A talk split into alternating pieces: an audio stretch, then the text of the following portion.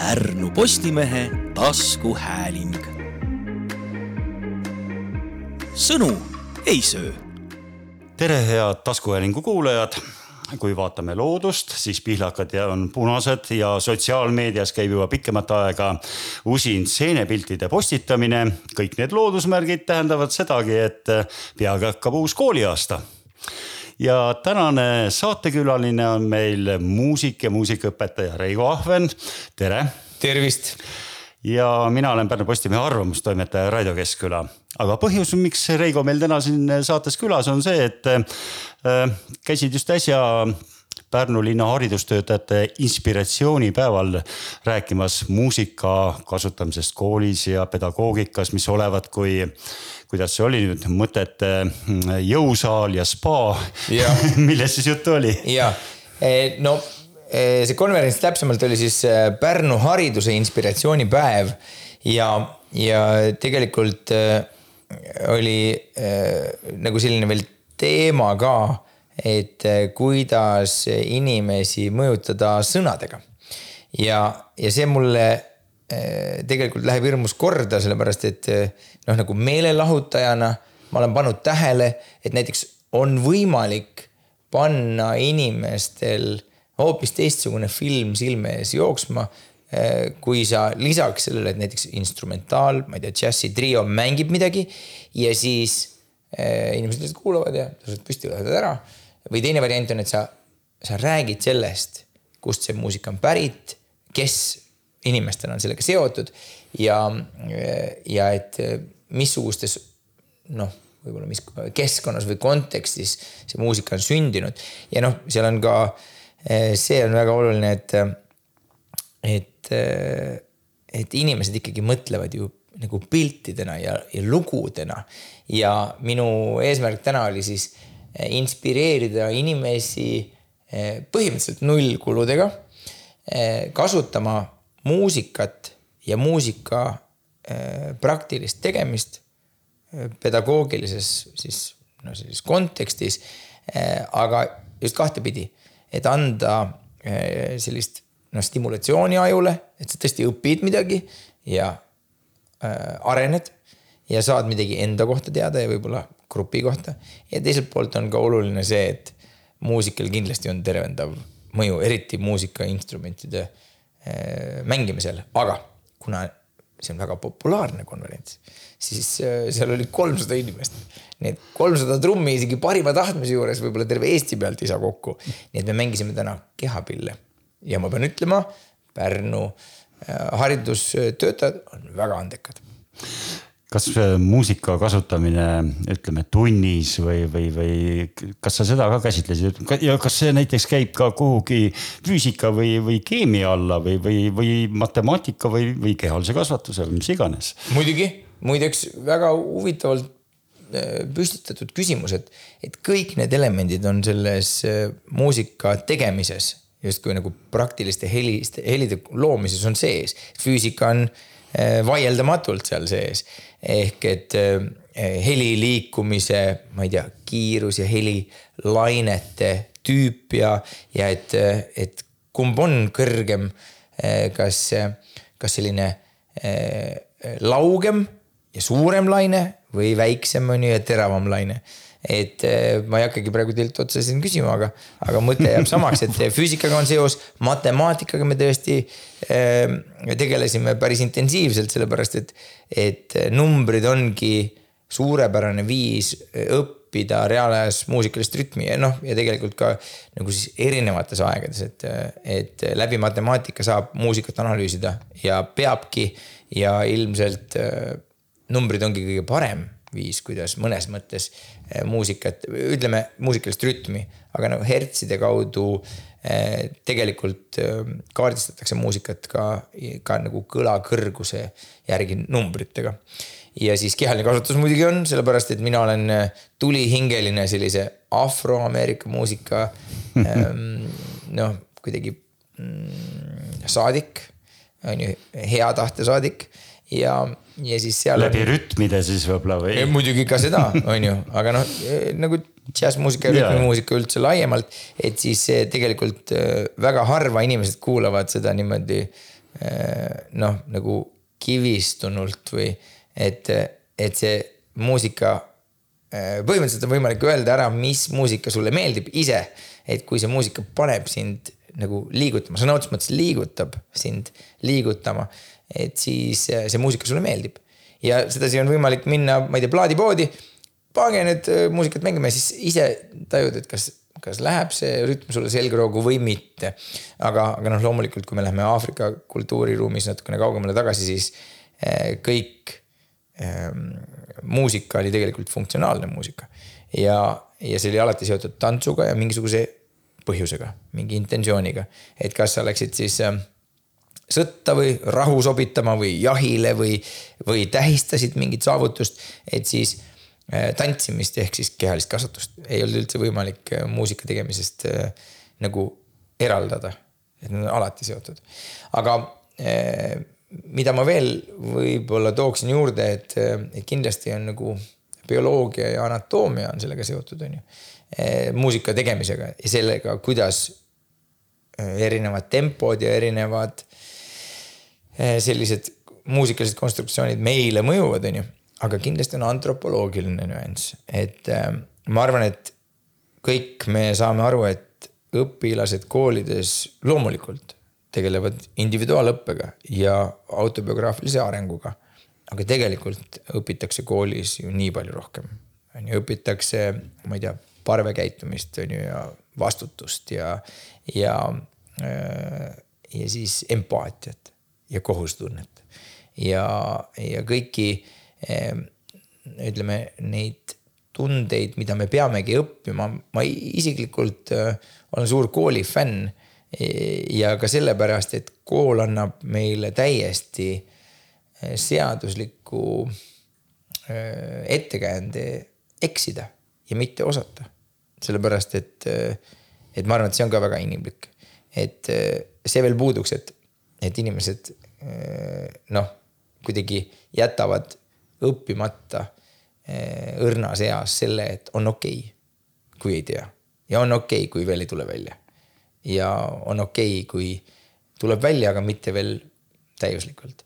et, eh, et ma arvan, et see eh, luba eksida on hirmus oluline, sellepärast et ma kardan, et enamus stressi tulebki mingisugusest sellisest põhjendamatust täiuse tagaajamisest ja sellisest illusioonist, et ainult täius on piisavalt hea. et ma arvan, et tänase konverentsi pealt ma võin öelda küll, et, et Pärnumaa haridustöötajad julgevad katsetada uusi asju. mida te, võib-olla sa räägid, et mida te tegite, et kehakeelt kasutasite või kehapille keha, keha või kehapilli? kehapill on, on väga levinud instrument ja ta on üks vanimaid instrumente üldse. kui me jätame nagu laulmise kõrvale, et äh, seal täna me tegime nii, et, äh, et kuna äh, me ei tahtnud ikkagi kehalise kasvatuse tunnikesed ajada, siis inimesed istusid ja siis me plaksutasime. ja siis me õppisime erinevaid rütme ja kuna oli siis sõnaga mõjutamise eh, selline noh, nagu peateema, siis, eh, siis ma proovisin tuua nendele õpetajatele näite, kuidas täpselt sama rütmilist harjutust, aga lihtsalt sõnaliselt erinevalt serveerides on võimalik kasutada täiesti erinevaid ajupiirkondi aktiveerides. ja, ja noh, sellest tulenevalt ka täiesti erinevat siis metoodikat kasutades, et, et on olemas ratsionaalne selline noh, nagu keelekeskuse põhi, põhine eh, õppimine ja siis reaalajas eh, sooritamine. ja eh, kui inimene loeb numbreid ja püüab nende numbrite peale täpselt õigete selliste nagu ajaliste vahedega numbreid öeldes, on ju, proovib sinna palaksu asetada, siis, siis see läheb hästi tõsiseks ja metoodiliseks ja muidugi see aitab seda rütmi meelde jätta. ja ta on, on noh, kindlasti metodoloogiliselt äh, väga tulemuslik, aga ta ei ole nii lõbus. ja siis äh, läbi imitatsiooni õppides ja lastes lahti igasugusest sellisest akadeemilisest struktuurist, lihtsalt mimikri kaudu, lihtsalt peegeldades Ehm, on võimalik ülikiiresti eh, luua rütmiliselt väga keerulisi konstruktsioone üldse muretsemata. ja, eh, sellel on oma pahupooled tõesti, seda pärast analüüsida ja, ja siis justkui nagu püüda noh, oma mällu jäädvustada, on keerulisem tõesti. et kui ta tuleb lihtsalt nagu rõõmu ja emotsiooni pealt, on ju. et siis reaalajas tulemus on parem, hilisem käitlemisvõimekus on väiksem.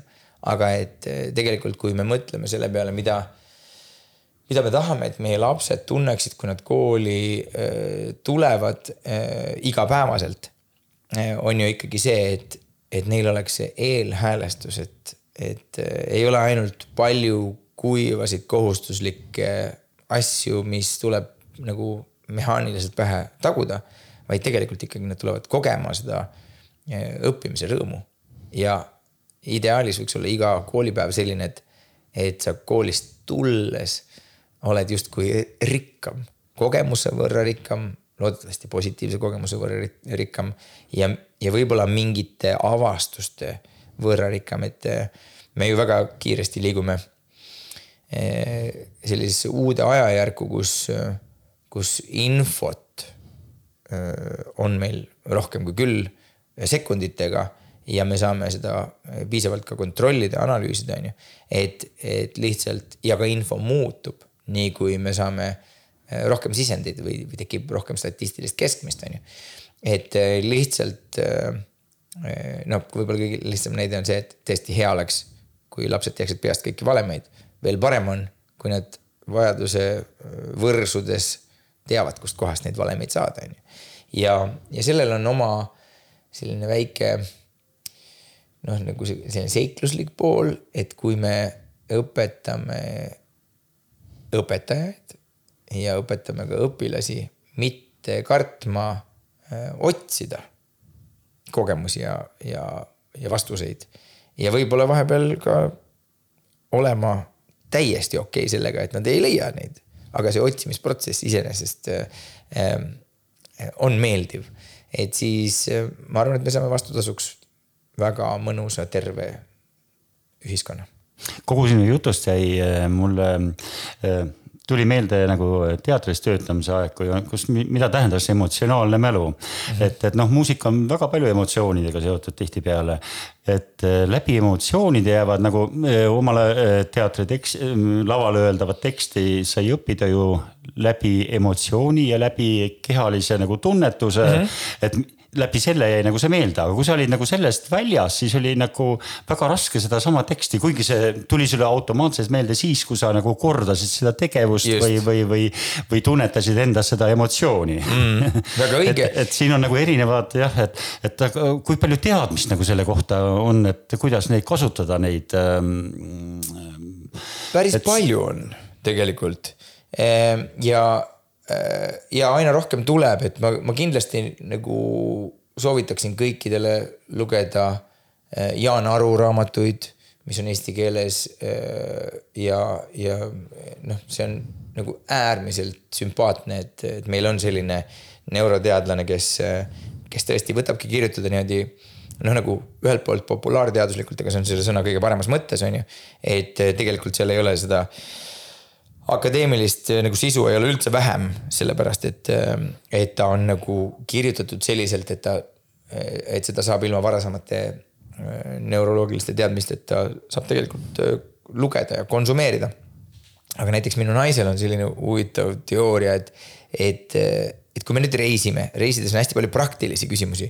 pass ei tohi ära kaduda ja lennuki peale peab õigel ajal jõudma ja, ja siis äh, peab pakkima õigesti ja peab sealt turvakontrollist minema läbi ja siis peab leidma õige hotelli ja üleüldse. hea oleks, kui istuksid õige takso peale ja no hästi palju väikseid praktilisi ratsionaalseid detaile. nüüd, kui me vaatame natukese aja pärast, vaatame poole aasta pärast, aasta pärast, et mis, äh, mis me sellest reisist mäletame siis need asjad, mida me mäletame, on need emotsionaalsed, on ju. ja, ja olgu, et inimesed halbu asju mäletavad tavaliselt üheksa korda paremini kui häid asju, on ju. aga need halvad asjad, millegipärast inimese aju on ehitatud nii, et, et sa ikkagi lased neist lahti ja, ja reisidest jääb tegelikult üks selline idealiseeritud natukene, aga ikkagi üks positiivne emotsioon on ju. et, et ma nagu, ma nagu väga tahaksin, et, et läbi nende selliste nagu praktiliste võib-olla just nagu praktiline on võib-olla isegi hea sõna, et praktiliste ehk et tegevustega seotud, liigutustega seotud, koos millegi tegemisega seotud, aga ebapraktiliste. ehk et kätega mingite rütmide plaksutamine, see ei muuda nagu pangaarvel mitte midagi, on ju, see ei kuidagi sootsiumis ei muuda midagi, võib-olla isegi see ei muuda tunnistusel midagi, on ju. aga ta on, ta on lihtsalt selline lõbus koos tegemine eh, tugeva sellise eh, ütleme antropoloogilise mõjuga, on ju. ja, ja et mulle, mulle lihtsalt hirmsasti meeldiks, kuna minu spetsialiteet on siis eh, nagu muusika kasutamine just läbi praktilise tegevuse, on ju. et siis mulle õudselt meeldiks, kui tänase konverentsi tulemusena kasvõi natukene muusikaõpetajad või siis huvijuhid otsustaksid, et, et ka tavakoolide õpilaste reaalse muusika tegemise juurde viimine, kasvõi ninapidi korraks sinna piimakaussi kastmine on põhjendatud ja vajalik. et noh, Eesti on hea näide tegelikult nagu sellised ühistegemised tulevad meil ju ikkagi välja on ju, et laulupidu ja tantsupidu on nagu head näited, aga see on, see on nagu. no see on nagu kõige tipp, on ju, et tegelikult see käib läbi väga mitme sõela, on ju, ja siis on väga paljud inimesed, kes, kes nagu selle käigus kuidagi saavad teada, et nad ikkagi ei ole piisavalt head, et minna laulupeole või tantsupeole, on ju. aga eh, mulle meeldib taaskord minnes džunglisse tagasi, et mulle meeldib, et tegelikult sellist eh, tarifitseerimis mingid žüriid või komiteed selliste nagu agraarsete või arhailiste nagu kogukonna vormide juures ei ole. kõik võivad tantsida, kõik võivad laulda, kõik võivad muusikat teha. ja ma arvan, et see on tegelikult ähm, üsna, üsna nagu hea selline vitamiin. ma loodan, et see jõuab haridusse äh, ka sellises õhtumaade kultuuris nagu Eesti ja, ja Pärnu on. kui palju sa ise nagu kokku oled puutunud või puutud, ütleme üldhariduskoolides õpetatava või, või, või näinud või, või, või ise õpetanudki, et? No üldhariduskoolides ma tegelikult ise väga palju õpetanud ühelt poolt ei ole, teiselt poolt seda, millest ma jutlustan, seda ma olen teinud väga palju.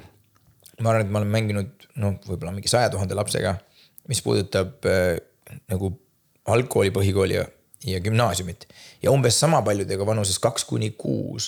et see oli mitu aastat minu äh, isegi üks selliseid nagu peamisi nagu tööväljundeid, mis mulle meeldis väga, olles õppinud pedagoogikat ja, ja omades ise pisikesi lapsi ka sellel ajal, on ju.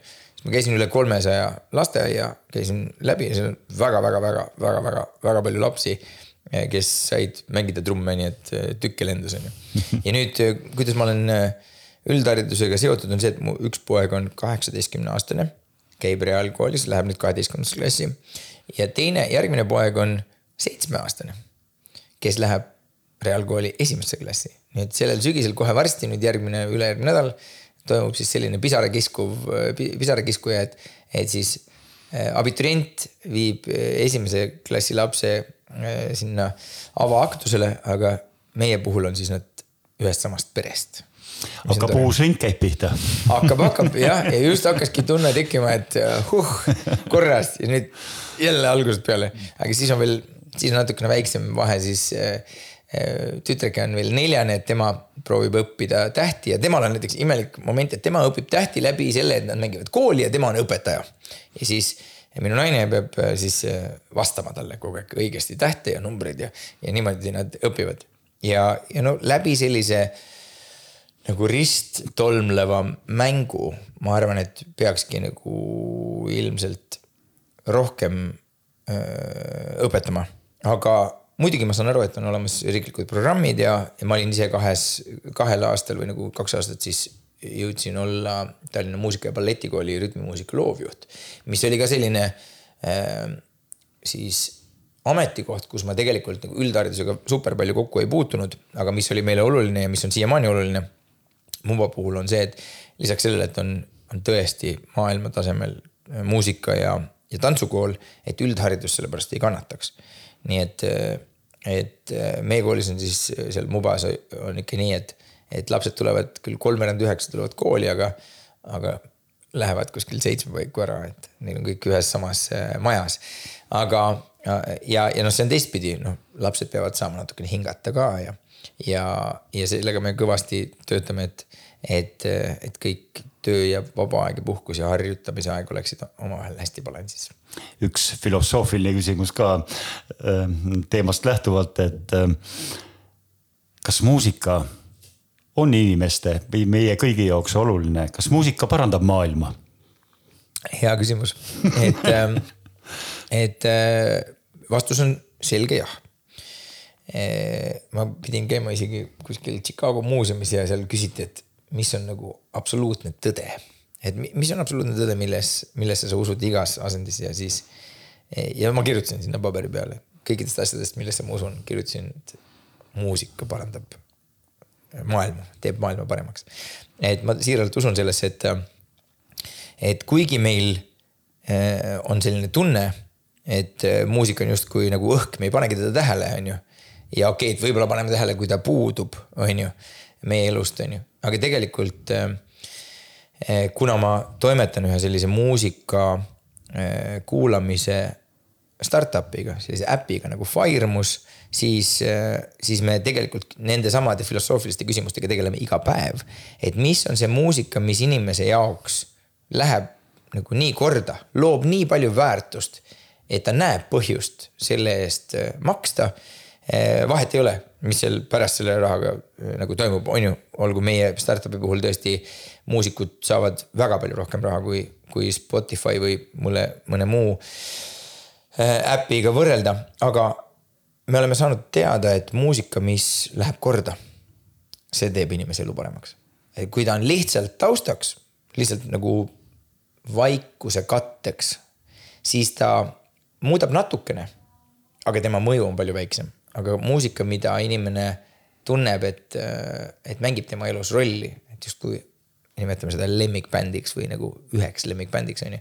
et siis see muusika võib tegelikult aidata meeletult paremini kui kui enamus asjad, mida apteegis müüakse aga kuidas selgitada kasvõi endale, seda enam veel, et noh, kui raske on seda nagu teiste kohta hinnata, et mis on see muusika, mis on oluline mm? -hmm. see on see muusika, mida sa kuulad mitu korda. See on hästi lihtne, meie saame põhimõtteliselt diagnoosida inimese teadmata, et ta, ta lihtsalt, teda tõmbab selle muusika poole, ta tunneb selle ära. et see on nagu toiduga, et sa tead, mis sulle maitseb ja sa tead, mis sulle ei maitse ja muusikat tarbitakse oluliselt rohkem kui toitu tänapäeval, see on imelik. et äh, tõesti, muusika on äh, igal pool meie ümber, ilma muusikata ma äh, ei kujuta ette, kuidas inimesed üldse saaksid hakkama. kas on ka olemas nagu nii-öelda ajatud muusikat, sellepärast et noh, ütleme, kuidas seda nimetada nüüd popmuusika või, või levimuusika või, või, või, või kuidas, ma ei, ma ei halvusta ega, ega, ega ei kiida ega laida, aga, aga ütlen, et noh, ajas nagu muutub nagu mingid voolud on või, või mingi.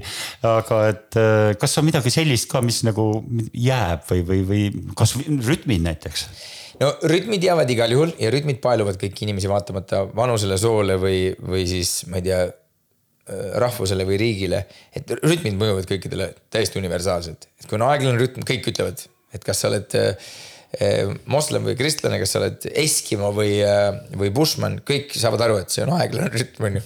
aga et rääkides ajatust muusikast, siis on uurin-, uuringute kaudu tehtud selgeks, et tütarlaste muusikaline maitse kujuneb välja üheteistkümnendast kuni viieteistkümnenda eluaastani ja poistel natukene hiljem on neliteist kuni kaheksateist. kujuneb maitse välja ja siis ta püsib seal terve elu. ja see on see nagu iga inimese jaoks on ajatu muusika on erinev.